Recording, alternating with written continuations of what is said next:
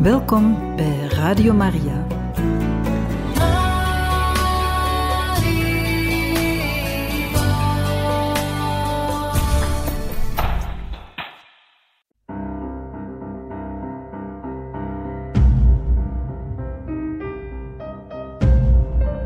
Het woord spreekt. Een programma van Radio Maria.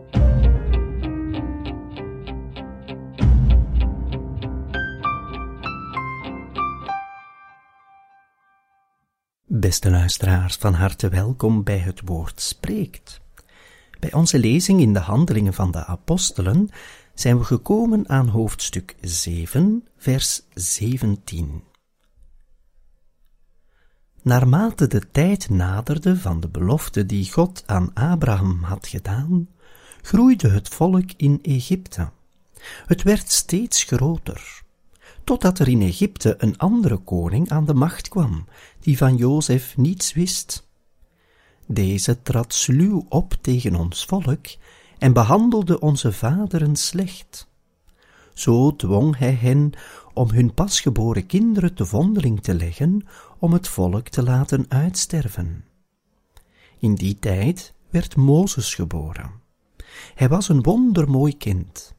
Drie maanden lang werd hij in het huis van zijn vader verzorgd. Maar toen hij te vondeling was gelegd, nam de dochter van de farao hem mee en liet hem opvoeden als haar eigen zoon. Ook werd Mozes onderwezen in alle wijsheid van de Egyptenaren. Hij was een machtig man in woord en daad.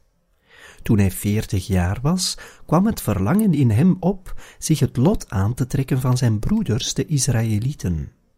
En toen hij zag dat een van hen onrecht werd aangedaan, nam hij het voor hem op en verschafte hij recht aan de mishandelde man door de Egyptenaar neer te slaan. Hij meende dat zijn broeders zouden begrijpen dat God hun door zijn hand redding zou brengen, maar ze begrepen het niet. De volgende dag verscheen hij juist toen zij aan het vechten waren. Hij probeerde de vrede te herstellen met deze woorden: Maar jullie zijn toch broeders? Waarom doen jullie elkaar onrecht aan? Maar de man die de ander onrecht deed, duwde hem weg en zei: Wie heeft jou tot leider en rechter over ons aangesteld? Wil je mij soms ook doden, net zoals je gisteren die Egyptenaar hebt gedood? Vanwege dit voorval vluchtte Mozes en hij ging als vreemdeling in het land Midian wonen, waar hij twee zonen verwekte.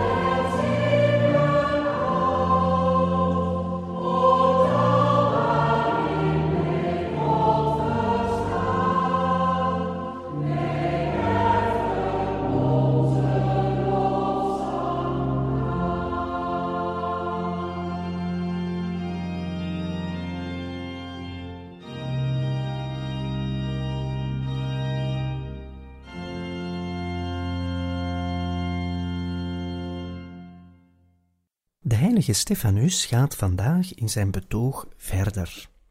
Hij spreekt gewoon over het heilsplan van God. Hij legt uit hoe de heilsgeschiedenis tot op die dag, na Pinksteren, hoe dat het zover is kunnen komen. Hoe dat God de wereld heeft voorbereid op de komst van zijn eigen zoon.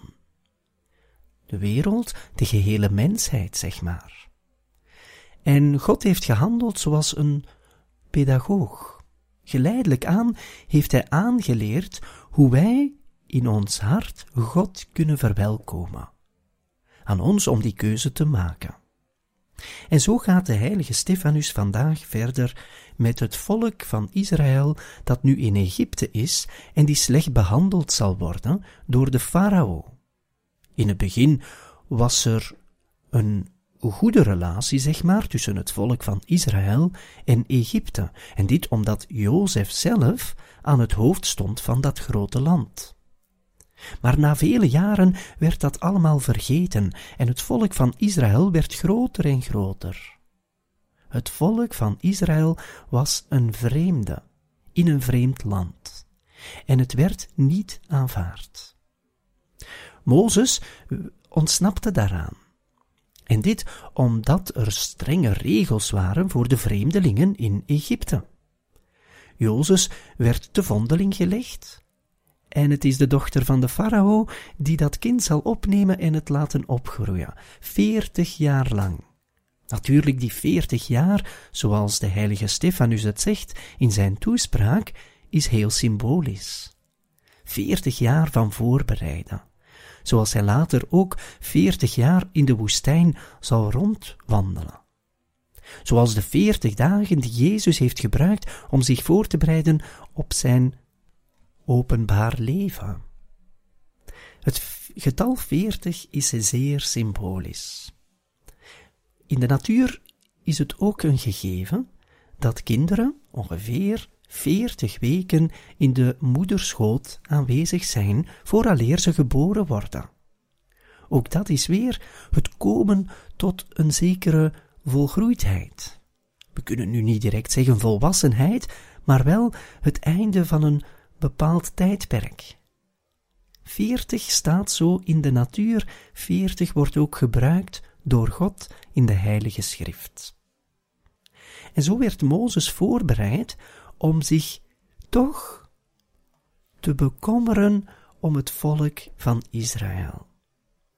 En hij zal die eerste stap zetten, wanneer hij onrechtvaardigheid ziet. Hij ziet hoe hun volk verdrukt wordt, maar tegelijkertijd ziet hij ook dat het volk onder elkaar niet goed overweg kan. Ze maken ruzie. En dus zegt hij: zijn jullie geen broeders van elkaar?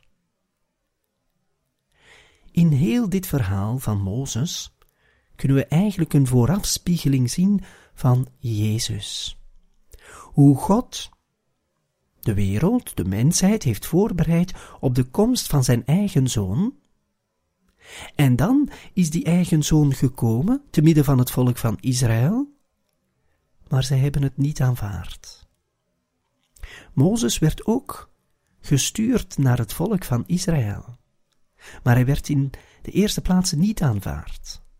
Het is maar een deel dat hem zal aanvaarden, degene die met hem mee naar de woestijn gaan. Is dat eigenlijk gewoon niet wat Jezus heeft gedaan en de kerk daarna? Jezus werd niet aanvaard te midden van zijn eigen volk. De kerk is daaruit ontstaan en is verder gegaan in een soort van woestijn. De wereld is eigenlijk die woestijn. Wat is een woestijn? Wel, een woestijn is daar de plaats waar het droog is. Daar waar men geen voedsel kan ontvangen. Het is eigenlijk een dode plek. Behalve dan daar waar God tussenkomt. Een soort van oase af en toe, waar er wel voedsel te scharen valt, waar er water komt tegen de dorst. De christenen zijn als in een woestijn. Maar wij weten ons gedragen door God zelf, die ons dat voedsel geeft dat we nodig hebben, om zelfs doorheen de woestijn met kracht toch vooruit te kunnen gaan.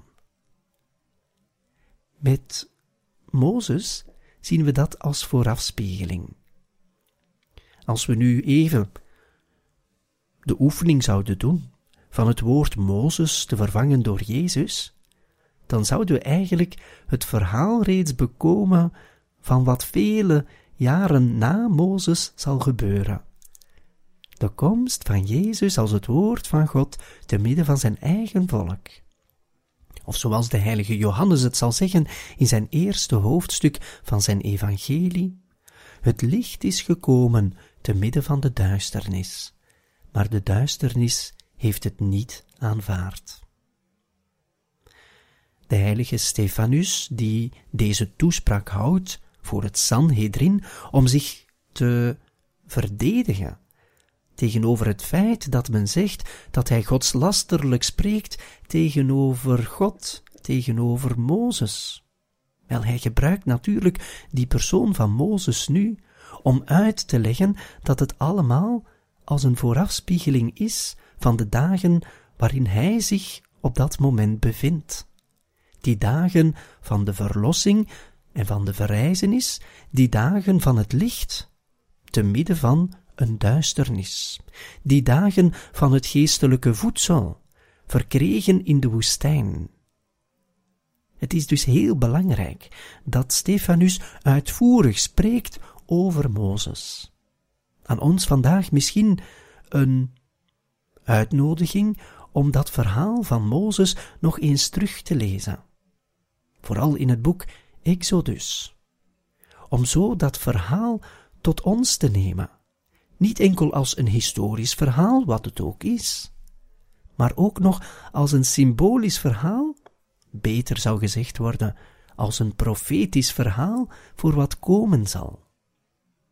Mozes is net die voorafspiegeling van hetgeen zal komen in Jezus Christus. En Jezus aan het kruis zal zeggen, het is volbracht. De profetieën van het Oude Testament zijn volbracht. In Jezus Christus, die gekomen is als het voedsel voor een ieder van ons die eeuwig wil leven. Die gekomen is als voedsel voor degenen die in de woestijn rondwandelen, nog altijd op weg naar het beloofde land. De woestijn dat is de wereld. Het beloofde land, dat is de hemel en het eeuwig leven. Maar in de woestijn hebben we leiding nodig, zoals het volk van Israël de leiding nodig had van Mozes, zo hebben wij een veel grotere leiding, namelijk die van Jezus zelf, God die mens is geworden. En zo hebben we vandaag gelezen in de Handelingen van de Apostelen, hoofdstuk 7, versen 17 tot en met 29.